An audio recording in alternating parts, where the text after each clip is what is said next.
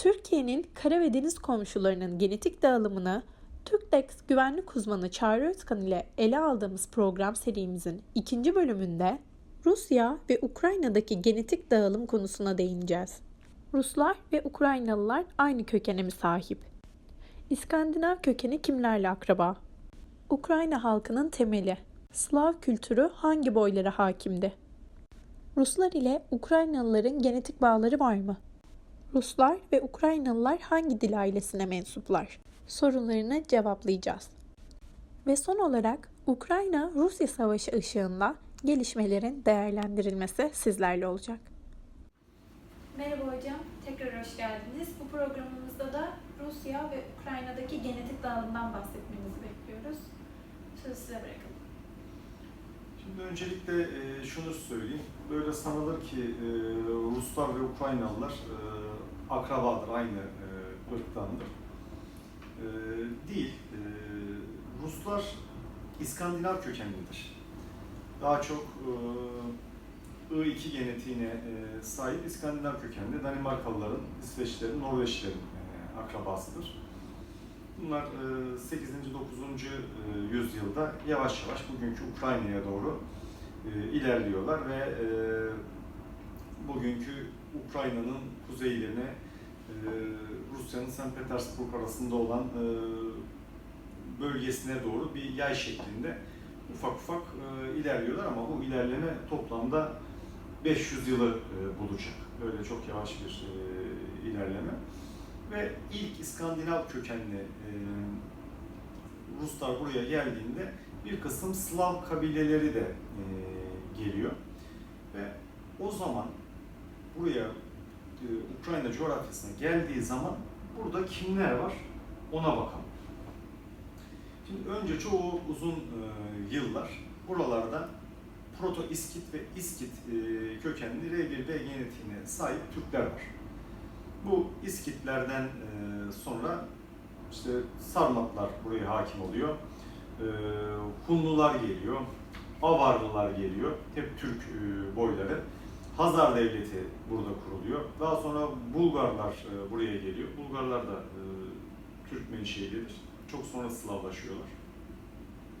Ve daha sonra burası uzun bir dönem Deşti Kıpçak olarak e, adlandırılıyor. Kıpçak Türkleri burada var. Yine R1B genetiğine sahip.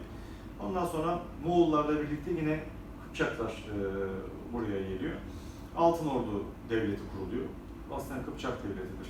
Yöneticileri Moğol'dur. Ve bugün e, Rus halkları dediğimiz halklar 1240 yılından 1480 yılına kadar 240 sene e, Türk esareti altında kalıyorlar. 1520'ye kadar biraz daha görece rahatlık oluyor. Fakat daha sonra bu sefer de Rus yayılması başlıyor. İşte 1565'te Rus ilerlemesi başlıyor. Hatta işte e, bir dönem Kasım Hanlığı'ndan Rus tahtına geçiş bile e, oluyor. Bir dönem Kasım Hanlığı Rus tahtına e, geçiyor. Ve e, eski e, Altın Ordu'dan olsun, bu Kazan Astaran hanlıklarından olsun birçok beyler e, boyarlar olarak e, Rus devleti içinde ve Rus ordusu içinde e, yerini alıyorlar. Rus e, askeri sistemi tamamen e, Moğolların e, Türk askeri e, yapılanmasına göre Altın Ordu Devleti'nde kurdukları sistemi e, örnek almıştır. Fakat Ukrayna'ya baktığımız zaman, Ukrayna topraklarına baktığımız zaman e, burada Slavlar olsun, e, Varek olan, e, Varyak olan e, İskandinav kökenli Ruslar olsun tarih boyunca hiç yaşamamışlar. Burada tarih boyunca hep milattan önce e, 1200'lerden e, beri, daha bile eskiden belki R1B genetiğine sahip Türk boyları yaşamış. Burada atlı okçular e, yaşamış.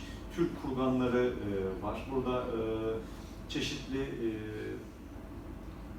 kültürler var ve bu o, kültürler kurganların bölgelerin isimleriyle e, anılıyor. Buradan e, çıkan genetik materyale e, bakıyoruz. Hep e, Türk genetik e, kodlarını görüyoruz. Ruslar Slavlaşmaya başlayınca ve Hristiyanlığı kabul edince o zaman Rahip Kiril bir alfabe yazınca yavaş yavaş Avrupa'nın diğer halklarından yani Kuzey Avrupalılardan, Batı Avrupalılardan ve Akdeniz Avrupa'sından ayrılıyorlar ve Doğu Avrupa'da bir Slav kültürü oluşmaya başlıyor. Daha sonra Türk olan Bulgarlar bu Slav kültürü içinde eriyor. Yine Türk olan Macarlar, Ural halkı ve Türk olan Macarlar bu e, Slav kültürü içinde e, eriyor. Ve Doğu Avrupa'da bir e, Slav egemenliği e, söz konusu e, oluyor. Bugünkü duruma baktığımız zaman genetik olarak e, Ukrayna'nın nüfusunun yüzde 65'i belki daha fazlası e, R1B genetiğine sahip Türklerdir. Boşuna Napolyon Rusya'nın altını kassanız Tatar çıkar demiyor. Onlar bütün Türkleri Ruslar e, Tatar olarak e, adlandırıyor.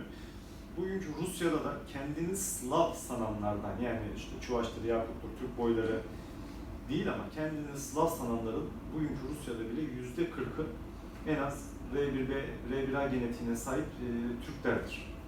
E, günümüze döndüğümüz takdirde Rusya-Ukrayna savaşını iki perspektiften de değerlendirebilir misiniz hocam? Şimdi ben bunu askeri harekat olarak değerlendiririm. E, Rusya biliyorsunuz çok büyük bir e, devlet. E, önemli bir askeri geçmiş var. Birinci Dünya Savaşı'nda, İkinci Dünya e, Savaşı'nda olsun. E, çok ciddi seferberlik e, planları olan e, bir ülke. Biz e, bu savaşın çıkacağını Türkiye olarak öngörmüştük ve kendi yaptığımız e, analizlere göre Rusya'nın e, Donetsk, e, Donbas, Lugansk bölgesine bir askeri harekat e, yapacağını, Rusya'nın, Ukrayna'nın pardon NATO'ya girmesini engelleyeceğini, bunun dışında Karadeniz'den Odessa Limanı başta olmak üzere bir deniz ablukası atacağını, bu bölgede yerini sağlamlaştırdıktan sonra Kırım'la bağlamak için kendi topraklarını her sona doğru bir askeri harekat e, yapabileceğini ve ilk aşamayı burada tamamlayacağını, aradan 3-4 yıl geçtikten sonra da bu sefer Harkov'a doğru bir askeri harekat e, yapabileceğini düşünüyordu. Fakat Rusya Kiev'e yürümeyi tercih etti ve biz ilk Kiev harekatının Kiev'e kuzeyden yürüdüğünü Rusya'nın görünce herhalde dedik bu bir taktik e, esas amaçları Kiev değil, Beograd'a da bir e, yığınak yapmıştı. Zaporojye'ye doğru, Kiev'e ve Zaporojye'ye doğru e, yürüyüşe bir e, gözükeceğini fakat buradan dönüp ya Harkov bölgesini ya da aşağıda Herson'u kuşatacağını, Kiev'deki birlikleri esas amacının Ukrayna ordusunun güçlerini dağıtmak olduğunu fakat bir harekat olmayacağını düşündü. Fakat böyle olmadı. Rusya tarihi bir askeri hata yaptı. Ukrayna'nın direnebileceğini e, öngörmeli. Ukrayna'dan da biz ilk başta şunu bekliyorduk. Gerçi ilk üç gün bir şok yaşadılar, iki gün yaşadılar. Üçüncü günden itibaren Ukrayna Genelkurmayı gerçekten e, şehirlerin e, dış mahallelerinde direnişi başlattı ve e, Kiev'e doğru yürüyen konvoyları durdurdu ve şehir çatışmalarına e, girdi. Hatta bizim beklediğimiz Ukrayna'nın biraz daha müsaade edip Rusya'nın şehirlerin içine girmesini ve bu giren birlikleri tamamen yok etmesini e, bekliyorduk. Ukrayna'da bunu bu şekilde e, yapmadı. Fakat evet Rus ordusunun ilerleyişini durdurdular. Yavaş yavaş takimatlarını e, kuvvetlendirdiler. Rusya eğer ki Kiev'i işgal etmek istiyorsa tabii ki güneyden yürümesi lazımdı. Ee, bu Beograd'a, Rusya'nın Beograd şehrine yığdığı birliklerle direkt bir yıldırım harekatı yapıp Kiev'e güneyden gelen iki yönü kesip yine kuzeydeki birliklerini Ternopil Jilomir hattına gönderip orada Kiev'in tamamen batı ile olan e, bağlantısını, lojistiğini kesmeleri lazımdı ve güneyden e, hızlı bir şekilde e, iki koldan e, Kiev'e yürümeleri lazımdı. Bu bir harekat, e, mantıklı bir harekat olabilirdi. Bunu yapmadılar. Kuzeyden e, tank birliklerini piyadelerle desteklemeden, e, açık kollardan mekanize birliklerle desteklemeden e, düz bir e, hat şeklinde geldiler ve başta Türk siyaları olmak üzere topçu birlikleriyle yine omuzdan atılan tank savarlarla birlikte hızlı bir şekilde durduruldular. büyük bir askeri taktik hatası. Rus Genelkurmay'ın böyle bir hatayı nasıl e, yaptığına gelirsek büyük ihtimalle Rusya'nın içinde bir çatışma var. İstihbarat Rusya'da askeri generallere değer vermezler. Kim sivrilirse hemen e, onu ortadan e, kaldırır. Yoksa Gerasimov çok iyi bir generaldir Rus Genel e, Kurmay Başkanı. Büyük ihtimalle harekat planlarına istihbarat e, KGB'nin ağırlığı olan e, FSB, SVR karıştı. E, Savunma Bakanlığı Genelkurmay arasında bir kopukluk olduğu, işlerine karıştığını e, görüyoruz. Ve e, teçhizat seçimleri bir yanlışlık var. Eski e, askeri teçhizatlarla savaşa başlandı, hızlı ilerleme sağlanamadı. Kendi kendilerine ayak bağı oldular diye düşünüyorum. Ukrayna ordusu tabii e, kendisinden beklenmeyen demeyelim, ben böyle bir direniş göstereceklerini bekliyordum. E, çok uzun zamandan beri Batılı devletler Ukrayna ordusunu e, hazırlıyordu. Benim Ukrayna'da farklı zamanlarda 8 tane resmi korumam e, oldu. Bunların hepsi sürekli GPS ders aldık da GPS ders alıyoruz falan diyorlardı Amerikalılardan, İngilizlerden. Ya böyle dümdüz ülke Kiev'den bakıyorsun, o da şey görüyorsun, bunlar GPS'i ne yapacaklar? Bir dağlık bölgesi işte e, Lviv tarafında, Karpat e, bölgesinde var. Orada da bir askeri konuşlanması yok. Zaten e, Ukrayna'nın kuzeybatısından e, kalıyor. Daha sonra tabii savaştan savaş başlayınca bu omuzdan atılan füzelerin bize vermediler biliyorsunuz o e, Javelin füzelerini e, Ukrayna'ya verdiler. Durum e, anlaşıldı.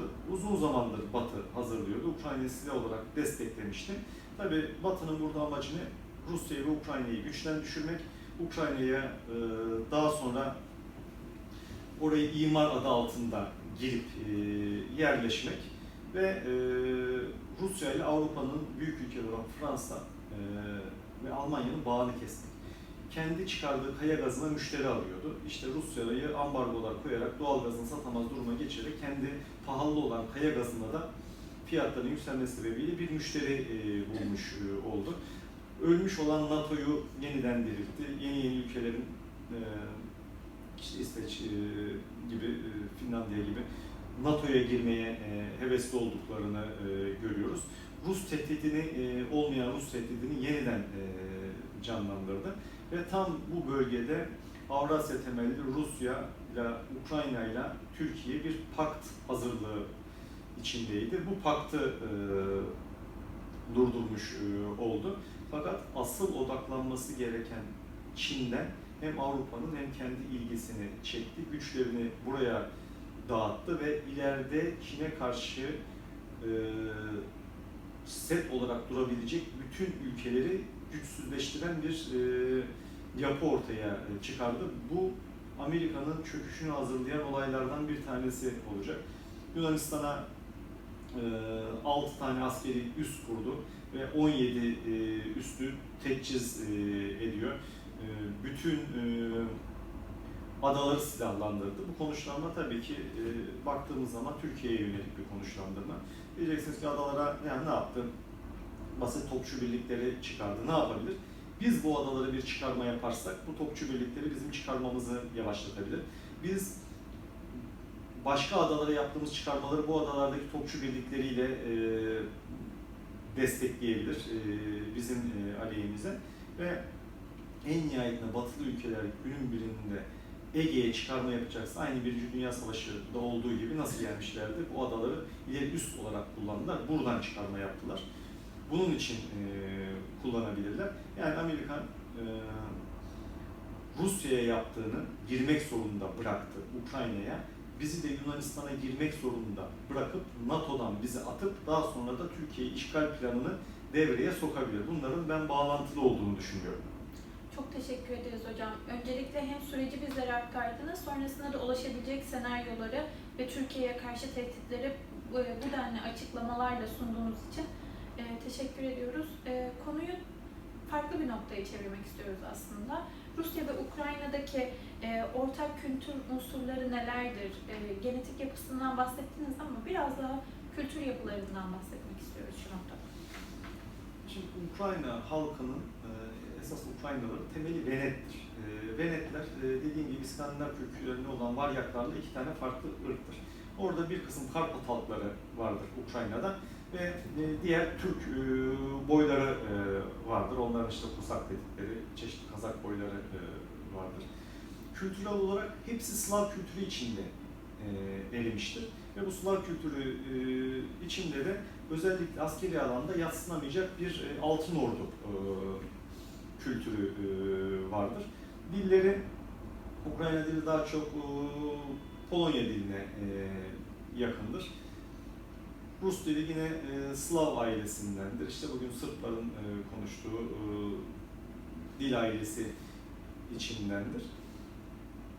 Evet, uzun bir süre, bin küsür yıldır aynı kültürde, Türkler de dahil olmak üzere üçümüzün aynı kültürde e, buluştu, aynı kültürde ortak coğrafyada yaşadığı halklardan e, bahsediyoruz. Burada bir savaş olması yerine Avrasyacılık e, temelinde Türkiye'nin Rusya ve Ukrayna ile kuvvetli bir birliktelik oluşturması gerekiyordu ve bu birlikteliği ileride Macaristan olsun, e, Sırbistan olsun, Bosna Hersek olsun, Makedonya olsun bu ülkelerin katılması, e, Azerbaycan olsun, e, Türk devletleri olsun bu devletlerin katılımıyla daha büyük bir birliktelik oluşturulması gerekiyordu. Fakat bunu parça parça Batı her yönden bölmüş oldu. Teşekkür ederiz hocam. Bize gelecek hakkında da oluşabilecek senaryolara da e, sundunuz, yer verdiniz. Ee, bizleri ağırladığınız için teşekkür ederiz. Bir sonraki programda görüşmek üzere. Ben teşekkür ederim. İyi günler.